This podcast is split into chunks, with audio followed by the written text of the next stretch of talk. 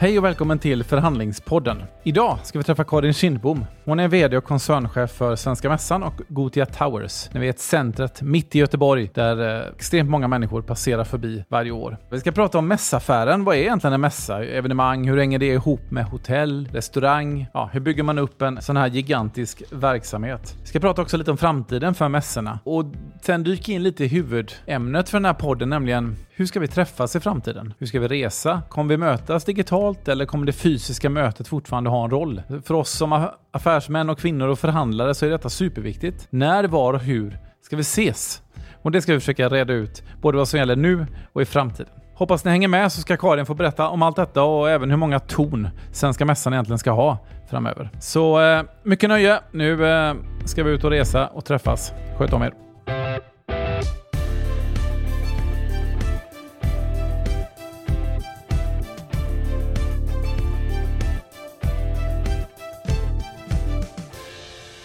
Hej! Välkommen till förhandlingspodden Karin Kindbom.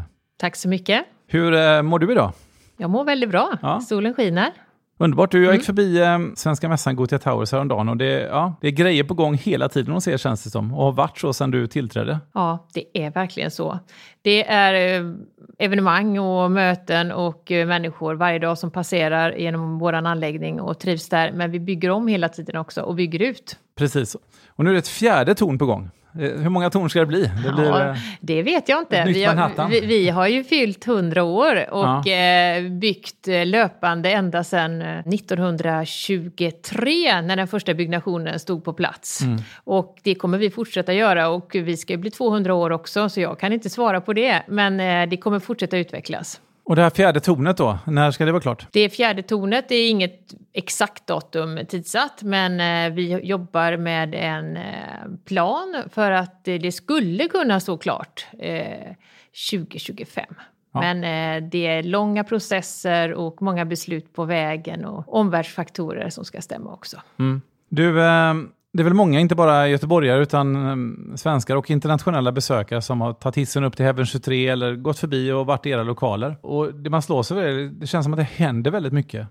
Eh, mässor förstår man, men, men vad är det som händer egentligen innanför era väggar? Vad, vad, hur, ser, hur ser verksamheten ut om du ska försöka omfamna den på något sätt i, i någon beskrivning? Jag tror jag börjar med vår vision egentligen, för det är den vi jobbar ut efter varenda dag. Vi eh, satte ett, eh, en ny vision när vi eh, lanserade det tredje tornet och det är att bli Europas mest attraktiva mötesplats. Och strategin för det är att Eh, erbjuda den bästa helhetsupplevelsen. Och det är precis det, det här med helhetsupplevelse som är hela vår affärsmodell. Vi har eh, mat och dryck Eh, vi har eh, hotell och spa, relax, fitness, mässhallar, möteshallar i olika storlekar, eh, showarena. Och så försöker vi knyta ihop det här och skapa en kundresa till varje given kund som kommer till oss. Stora evenemang med stora sällskap till små konferenser eller möten. Har ni nästan en idé då att kunden ska komma, ska egentligen inte lämna mässområdet? Jo, det är faktiskt så. Vi, vi pratar om att vi har en helhetsupplevelse med allt under ett tak. Och det är jätteviktigt och det kan man se på två sätt. Fysiskt, taket, men också hela mm, ansvarstagandet för kunden och eh, kvaliteten och hela erbjudandet. Och det ombegriper sig jag hela destinationen. Vi vill ju att våra kunder ska nyttja gångavståndet. Det är en av våra viktigaste uspar. Och ge sig ut i stan och se, få ytterligare ytterligare kultur, sevärdheter eh, och shopping och annat som bygger den här helhetsupplevelsen. Vi klarar inte det själva inom ramen för vår anläggning Nej. om vi ska lyckas bli bäst i Europa. Det blir, men det blir ingen diskussion där i, i, relation till Göteborg som stad, att, man, att ni bygger upp en egen liten stad med egna restauranger och egna nöjescenter? Eller Nej, tvärtom. För eh, det är en viktig styrka att vi, vi är lite city in the city. Och det är det som gör att man kommer till oss och sen går ut i hela staden. Så det gäller, som jag brukar säga, att, att få hit gästerna, de här tillresande, och ha det här erbjudandet. Sen får vi alla nytta av det. Du, sen heter ni ändå Svenska Mässan, så mm. att, eh, det här med mässor är ändå en, en del av er kärnverksamhet, mm. Eh, antar jag. Hur man nu definierar det. Hur definierar man en mässa? Alltså vad är en mässa egentligen? En mässa, det är ju ett möte, ett ja. evenemang. Det kan vara vad som helst. Det kan vara inspirationskälla, det kan vara utställning, det kan vara mat och dryck, det, det, är allt egentligen som kretsar kan man säga kring ett specifikt innehåll som man bygger upp. Men vi bygger på väldigt mycket kring det innehållet. Och det kan ju vara en fackmässa inom ett specifikt område eller en publikmässa. Men idag är en mässa så mycket mer än en utställning som det var förr i tiden. Mm. Det, är, det, är, ett sätt att träffas, eh, inspireras, utbilda sig, bygga relationer, ja, få inspiration. Mm. Ni har ju dels fackmässor som du säger och så har ni mm. publika mässor. Bokmässan är ju en sån väldigt känd. Är det olika sätt att arbeta? Har ni olika typer av personal? Som det är någonstans business to business eller business to consumer-tänk? Eller hur? Är det ganska likartat hur man jobbar? Det skiljer sig lite grann mm. åt. Eh, när man jobbar med business to business så är man ofta väldigt mycket närmare, nära branschen där man jobbar väldigt nära eh, eh, branschutvecklingen. Det gör man inom publika mässor också, men man riktar sig till en mycket bredare publik. Ofta säger vi att publika mässor drar väldigt mycket besökare till staden medan en fackmässa kanske har färre, men inom ett spetsområde. Båda är jätteviktiga för oss och för destinationen. Båda skapar väldigt mycket besöksnäringseffekter till staden som eh, är vårt eh, del i vårt ändamål. Vi är en privat stiftelse som är till för att främja näringslivet. Jag märkte det, jag skulle ha hotell veckan. Det var helt omöjligt. Jag fattar, det var ingen konsert eller någonting. Men det var, det elfack. Det var någon fackmässa som mm. liksom bara, mm. ja, det, det, var över.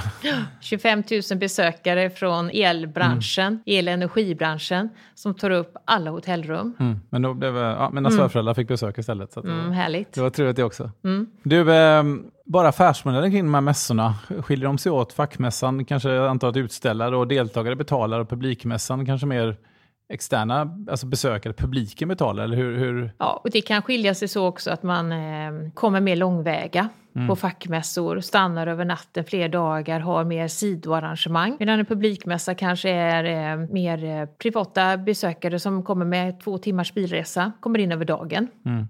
Konjunktur, jag vet om vi går inför mot en lågkonjunktur, kan ni balansera det här att man kanske, ja men folk restaurangnäringen kanske balanserar, minskar, eller publika mässor kanske balanserar fackmässorna, går ner lite, eller hur, hur, hur, vad tror du där? Ja, det är faktiskt en av fördelarna med eh, just den här strategin med helhetsupplevelser och den bredden av produkter som vi har olika målgrupper. Och jag brukar ibland säga att det är en sån tjusning att få jobba med det jag gör för vi jobbar med globala kunder, mm. eh, nationella, regionala och lokala. Vi jobbar med alla branscher. Vi jobbar ju både med kommunala, offentliga verksamheter, eh, privat sektor och även utbildning. Och det mm. gör ju att vi har möten inom alla de här områdena och kommer alltid att kunna parera lite grann. Dessutom är det mm, en del av våra evenemang som går vart tredje år, eh, vartannat år och varje år. Och det är så långa införsäljningscykler så man, man berörs inte riktigt av korta svängningar i konjunkturen. Och eh, dessutom så säljs vissa av de stora kongresserna in med kanske 5 till 7 års framförhållning. Mm. Hur går den införsäljningen till? Det? Man, man ger någon slags eh, anbud eller förslag och vilka är konkurrenterna förresten? Det... Konkurrenterna, eh, det beror helt på vilken produkt ja, vi pratar om. En stor mässa? En stor, mäss, ja. en stor kongress eller stort ja. corporate event eller stort företagsevenemang mm. så är de inte svenska Nej. oftast utan det kan vara Dubai, mm. det kan vara London, Berlin, det kan vara Singapore. Mm. Och vad är det som avgör när det blir Göteborg? Det är när vi har lyckats med någonting som är unikt. Det finns en enorm eh, investeringsvilja och en konkurrens i den här branschen. Och många städer och destinationer satsar mycket pengar på besöksnäring. Man förstår hur viktigt det är för en destination och det är också en bra affär. Och det innebär att vi måste återigen eh, hela tiden utveckla oss för att finnas med på kartan. Men vi måste också inse att vi kommer aldrig vara de som har mest pengar att investera utan vi måste skapa och paketera unika kundupplevelser, bygga in styrkeområden som vår destination och Sverige har att erbjuda som ingen annan har. I annat fall så blir det väldigt prispressat. Mm.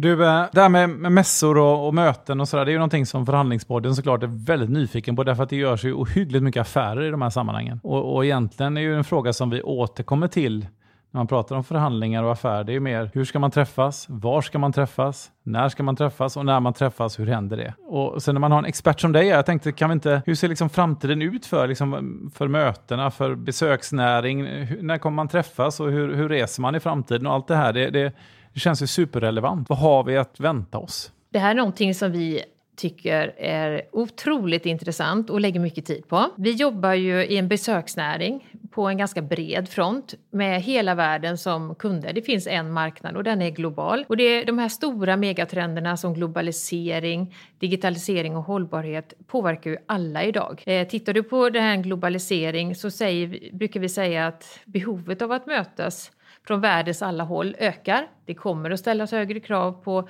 möteskapacitet, hotellkapacitet, flygförbindelser, mm. säkerhet och många andra faktorer.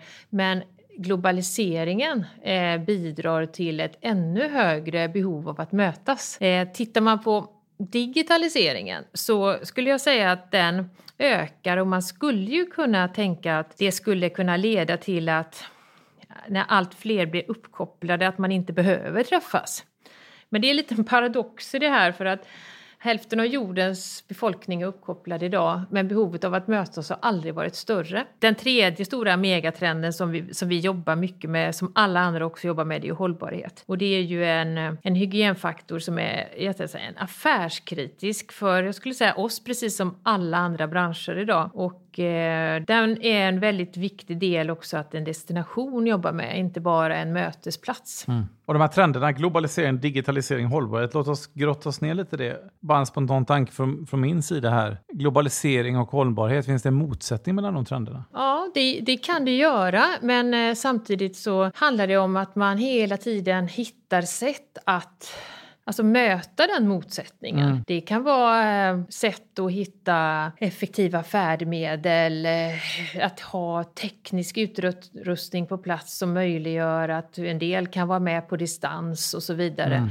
Mm. Eh, men någonstans så tror jag att i globaliseringens spår så ser vi också väldigt mycket andra eh, liksom saker. Eh, och det är ju att den här totala förändringstakten i samhället den, den är ju så otroligt snabb. Alla jobbar med att utveckla sina affärsmodeller precis som vi. Eh, en mässa idag ser inte likadan ut nästa, nästa år utan det kräver en ständig förändring. Och, och, i vårt perspektiv så tror vi att det är samarbete och det här agila arbetssättet och det digitala mindsetet som ändå kommer vara de frågorna som alla behöver jobba med. Det gör mm. vi också och vad är lösningen på det?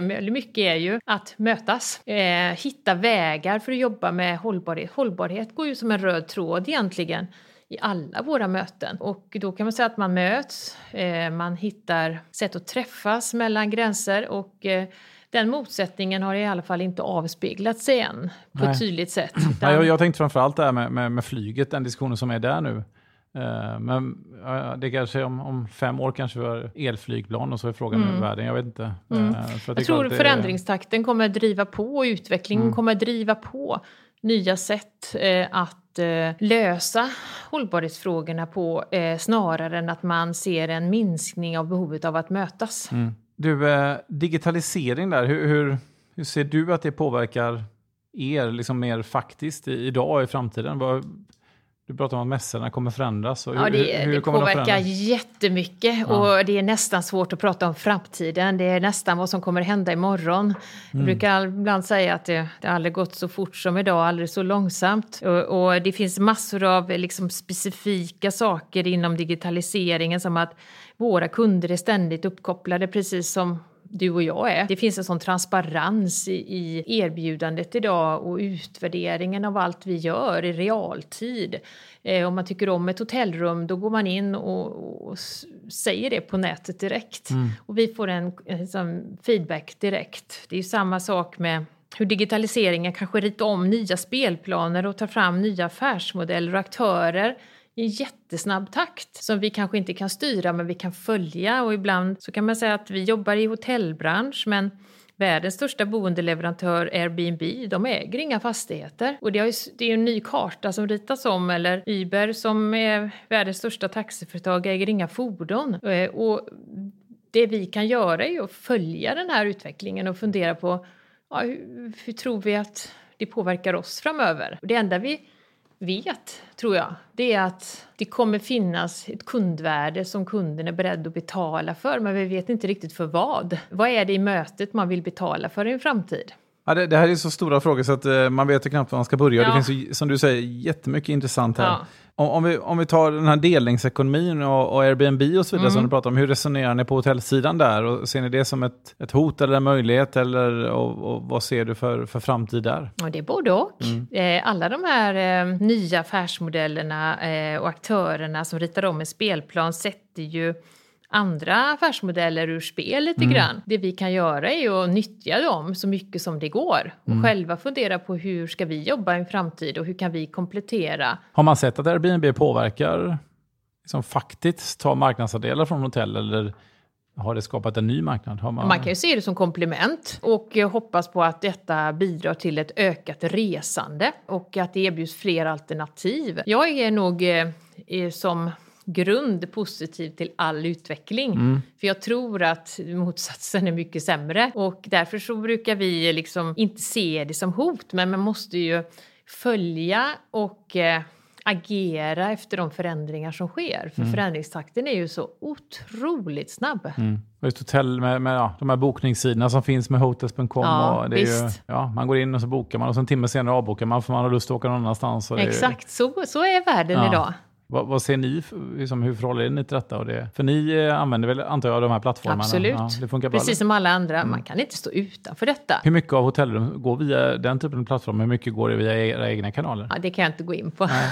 Men det är ändå, är ändå en substantiell... Man kan säga så att det, det sker en ökning hela ja. tiden. Och då kan man ju säga att hade vi fått de bokningarna utan detta? Det vet vi ju inte.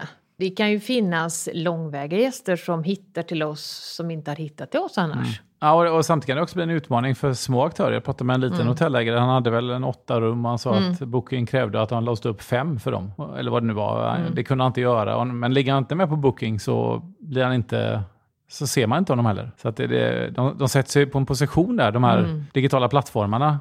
Google är ju det bästa exemplet som, som ger en enorm makt. Alltså. Mm. Där ni blir inte leverantörer till er kund, utan er kunds digitala plattform. Mm. Men vi det är många, många branscher eh, som påverkas av det här idag. Ja, ja. Utan jag tror att eh, man ska följa med utvecklingen och se hur man kan eh, vara en del i detta på ett mm. klokt sätt till globaliseringen då, om vi tar den, vad, vad, tror du kommer hända där i takt med att menar, vi har Afrika, vi har Asien, vi har liksom länder där, där medelklassen fortsätter att växa? Ser vi ett ökat resande? Klarar världen ett ökat resande eller, eller går vi mot någon slags bakslag i takt med nationalism och diskussion om flyg? Eller vad, vad säger trendspaningen där? Den trendspaningen vi ser eh, är ju att det kommer ändå finnas ett fortsatt resande, mm. ökat resande. Om, om världen klarar av det eller inte så kanske jag är fel person att uttala mig om, men eh, det ser vi. Mm. Och hållbarhet slutligen, beskriva lite mer, för det, det är ju någonting, mm. alla jobbar med hållbarhet, det är ju, det är ju bread and butter idag mm. någonstans. Ja, är så. så. Då är frågan hur man tar det vidare, det kan ju vara allt från CSR till, eh, mm. till whistleblowing till, till compliance och andra saker. Vad, mm. vad, vilket sätt jobbar ni med hållbarhet och vad, ja. vad, kan du lära folk som vill bli bättre på hållbarhet eftersom ni ligger långt fram där? Ja, men jag tror att det måste vara eh, alltså, genuint och, och eh, inbyggt i verksamheten, affärskritiskt. Det kan inte vara något man bara lägger på vid sidan om. Eh, det är en av våra huvudstrategier av sex att jobba med hållbarhet. Och det syns, har vi jobbat länge med. Vi jobbar med eh, staden utifrån att samverka kring att destinationen eh, tycker det här är viktigt också. Vi jobbar ju med det i hårda värden så att vi bygger in certifieringar i byggnationer eh, och vi jobbar också med mjuka certifieringar utifrån våra möten och event. Där använder vi ISO 20121 när det gäller våra fastigheter har vi BREEAM. Det är viktiga certifieringar när man bud, lägger stora bud på kongresser och eh, event. Men det måste också synas i anläggningen. Det måste åskådliggöras i, i avfall och, och matsvinn. Det måste, vi ha bikuper på taket. Det är, det är viktiga symbolvärden mm. för detta. Det är hur, eh, vad vi använder för engångsmaterial, eh, energianvändning, vi har ju all, all el från vindkraft. Det, det, är väldigt många områden. Sen kommer man in på det sociala. Hur organiserar man detta? Hur jobbar ni? Liksom? Har ni någon, för det tror jag också kan vara en utmaning. Man har haft klassiskt en CSR-ansvarig, hållbarhetsansvarig, men mm. hur, man, hur man får ut detta i hela organisationen? Vi har lagt det som en av våra sex huvudstrategier och då Mm. innebär det att vi bearbetar den här frågan precis som eh, affärsutveckling, Mm. eh, försäljning av affärsutveckling eller digitalisering. Eh, och det innebär att man bryter ner det i alla nedbrutna grupperingars ansvarsområde och tittar både på eh, långsiktigt och, och, och mera i treårshorisonter hur vi kan jobba med de här frågorna. Jag tänkte på, annars när det kommer till besöksnäringen så är ni lite i symbios med Göteborg. Och och det antar jag att gäller även era lik, liksom motsvarande konkurrenter i andra städer. Att man på något sätt, stadens varumärke också har med er att göra. Hur jobbar man ihop med det för att Göteborg också ska bli ännu attraktivare? Och, och jag tänker kanske fler vi hade Caroline Ljunggren här från Landvetter flygplats. Då, alltså hur man får direktflighter till Göteborg och sånt där måste vara viktigt för er. Hur, hur ser det samarbetet ut och vad kan du göra för att, för att utveckla det? Svenska mässan och Gothia Taurus har ju ett oerhört tätt samarbete med staden Mm. i alla olika instanser. Vi Mm. jobbar mycket mot akademin, eh, mot eh, samhälle, politik men också ett väldigt stort brett nätverk inom näringslivet. Och eh, jag tror att eh, ska man lyckas eh, med att driva en ökad besöksnäring så måste vi samarbeta. Eh, och det är en av nycklarna till att lyckas med att fortsätta driva den här besöksnäringen. I detta fallet så har vi starka styrkområden inom Göteborg, inom de här områdena. När vi söker en medicinsk kongress då har vi med oss professorer från eh, akademin. Eh, när vi har olika event eh, så kan det hända att vi har eh, samarbeten med näringslivet för att få starka, trovärdiga aktörer från näringen som föreläser eh, om Göteborg till exempel. Eh, och eh, sen handlar det om att få ett bra samarbete med Göteborg Company eh, som destinationsmarknadsbolag och många andra. Men vi har eh, idag ett eh, fantastiskt spännande mål i Göteborg med att dubbla antalet gästnätter till 2030. Gå från 4,8 tr- miljoner gästnätter var det förra året till 9. Och det kommer kräva mycket, eh, men förutsättningarna finns. Hur ska det gå till? Ja, det måste göras genom både investeringar, alla de hotellprojekt och evenemangsprojekt som är planerade behöver ju komma till. Infrastruktur, flygförbindelser, men också kollektivtrafik. Och sen gäller det att paketera rätt. Samarbeta med alla de här styrkområdena jag har pratat om och, och bygga konkurrensfördelar. Attrahera nya besökare hit. Mm. Vi ska också prata om det här med det personliga mötet tänkte jag. Lite nyfiken på just, för det är ändå det ni jobbar med någonstans. Ni för människor samman för att de ska göra Hela affärer. vår affär. Ja, precis. Och, och, ehm, hur, hur ska man göra för att, att bygga en affär? Det här handlar lite liksom också om, apropå förhandlingar och affärer, vad, vad du har för medskick till de som åker på en mässa hos er eller åker på ett evenemang och ska träffa människor. Vad, vad ska man göra för att, få till, för att komma till skott och få till en affär och, och ja, att, det blir, att alla blir nöjda? Så jag eh, som jobbar då i människobranschen, Exakt. ja, people business, Ja. vi, vi om någon ska veta, jag brukar alltid prata om att vi är till för att människor ska träffas. Träffas man så bygger man relationer och relationer skapar tillit. Och tillit, det är det som liksom för människor emellan. Det kittet som skapas där gör ju att man också kan skapa affärer. Och, och vi vill ju gå i mål med det att när man kommer till oss så ska vi vara en, en mötesplats som främjar affärsskapande. Och hur gör man det då? Hur främjar man affärskapande? Utöver bara att skapa förtroende, men, liksom hur, Nej, men hur man- skapas det förtroendet? Jo, men det skapas ju genom att man möts, att man pratar med varandra, att man, man möts live framför allt. Alltså värdet av live har bara ökat mer och mer i digitaliseringens spår. Träffas på tu man hand och titta varandra i ögonen. Det är ju en väldigt liten del av det som sägs eh, som betyder någonting. Det är ju hur det sägs.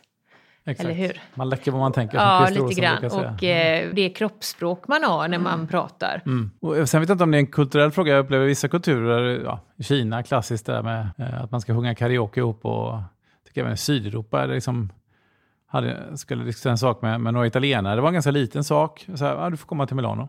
Ja, men kan vi inte ta det på telefon? Nej, du får komma hit. Och det var ju som ett, ett möte på en halvtimme, men jag fick pallra mig dit. Vad är det som händer egentligen när två människor möts? Man upplever någonting där och då Ja. som du bara kan få då. Det är något unikt. Och du får så mycket bredare möte än du får digitalt. Och eh, det finns ju ett skäl till att 70 000 människor eh, eh, köper en biljett till Ullevi och går dit till Håkan Hellström oavsett om det regnar eller blåser eller är solsken. när man kan lyssna på allting digitalt. Eller att kafékulturen blomstrar i digitaliseringens spår för att man, man vill sitta bland människor. Mm. Tror, tror man att det här kommer fortsätta eller liksom hamnar vi... Jag är helt övertygad om att mm. detta kommer fortsätta. Jag, jag såg en undersökning från eh, USA med Trust Index. Som hade, de hade jämfört de senaste fem årens utveckling inom digitaliseringen och uppkopplade samhället. Och lika stor ökning som digitaliseringen hade, lika stor minskning hade trust, alltså tilliten mellan människor. Och någonstans det gapet där mellan digitalisering och tillit, det är det personliga mötet som kan täppa igen. Det kännas bra. Då kan ju ni och andra mötesplatser fylla en väldigt viktig funktion i att på något sätt bli, jag tr jag binda tror... ihop det digitala samhället. Exakt. Och det är ingen motsats mellan detta. Utan vi vill ju bygga digitaliserade erbjudanden också, att människor möts digitalt. Mm. Det, det, är kombinationen av det här, att gifta ihop det digitala med det analoga som är det spännande. Så måste det vara, för det är klart att när man väl har träffats en gång, men nu träffas jag och du och poddar och ska mm. vi ha någon uppföljande sak imorgon, ja, men då kanske inte vi känner att vi behöver ses, för Nej. vi sågs ju idag. Det kommer mycket enklare. Ja, som du säger, kombon där. Mm. Men du som ändå åter expert där, vad, vad, vad, har vi att säga till eh, mannen eller kvinnan som checkar in på på Gothia Towers och ska gå ner där och, och på massa folk. Hur, hur rent praktiskt ska man bygga det här förtroendet så att man blir, eh, har gjort en bra mässa? Och det är ju lika giltigt oavsett vem man än ska träffa. Det behöver inte vara hos er. Utan liksom, vad, vad, det här personliga mötet, vad ska man tänka på tycker du? Vad tänker du på? när... när... Ja, hitta en miljö som mm. jag känner passar för det specifika tillfället. Och det är ett av skälen till att vi försöker bygga många platser inom en och samma mötesplats med olika känslor. Hitta en miljö som passar för det ändamålet. Det kan vara en möteslokal för en typ av möte eller en loungegrupp. Platsens betydelse är jätteviktig. Sen kan du det som ofta är förlösande och som vi märker är nästan en egen resanledning idag, det är ju matens betydelse. Mm. Matens betydelse skulle vi kunna ha en egen podd om. Eh, den är jättestark drivkraft och trend inom hela besöksnäringen. Varför är det så då?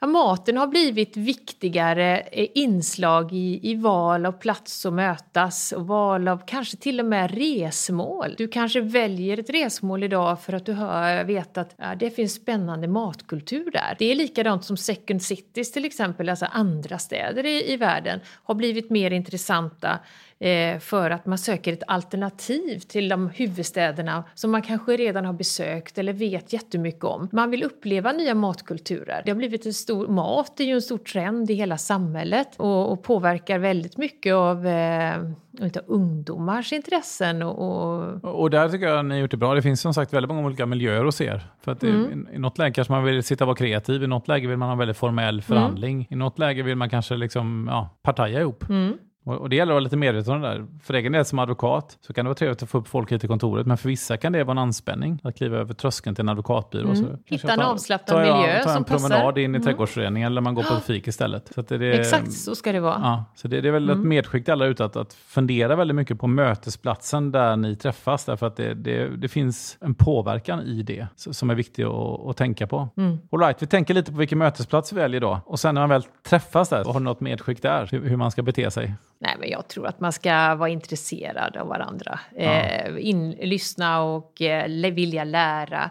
Det är ju det som eh, bygger en relation väldigt mycket oavsett om det är en, eh, en vänskap eller om det är en affärsrelation. Ja, nyfikenhet mm. och någon ja. slags äkthet i ja, den nyfikenheten absolut. såklart. Som skapar tilliten som vi pratade om. Mm. Det är väl kanske det som eh, egentligen är det viktigaste för att skapa affärer. Ja.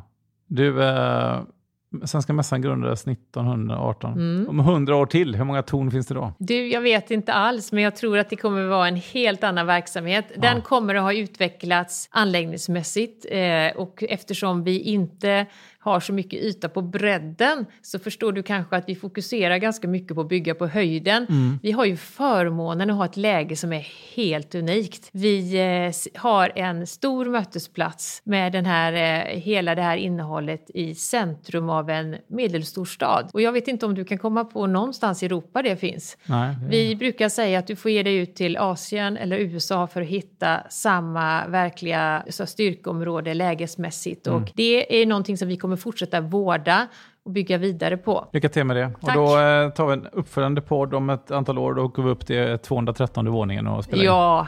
Härligt. Härligt. Du, eh, tack så hemskt mycket. Tack.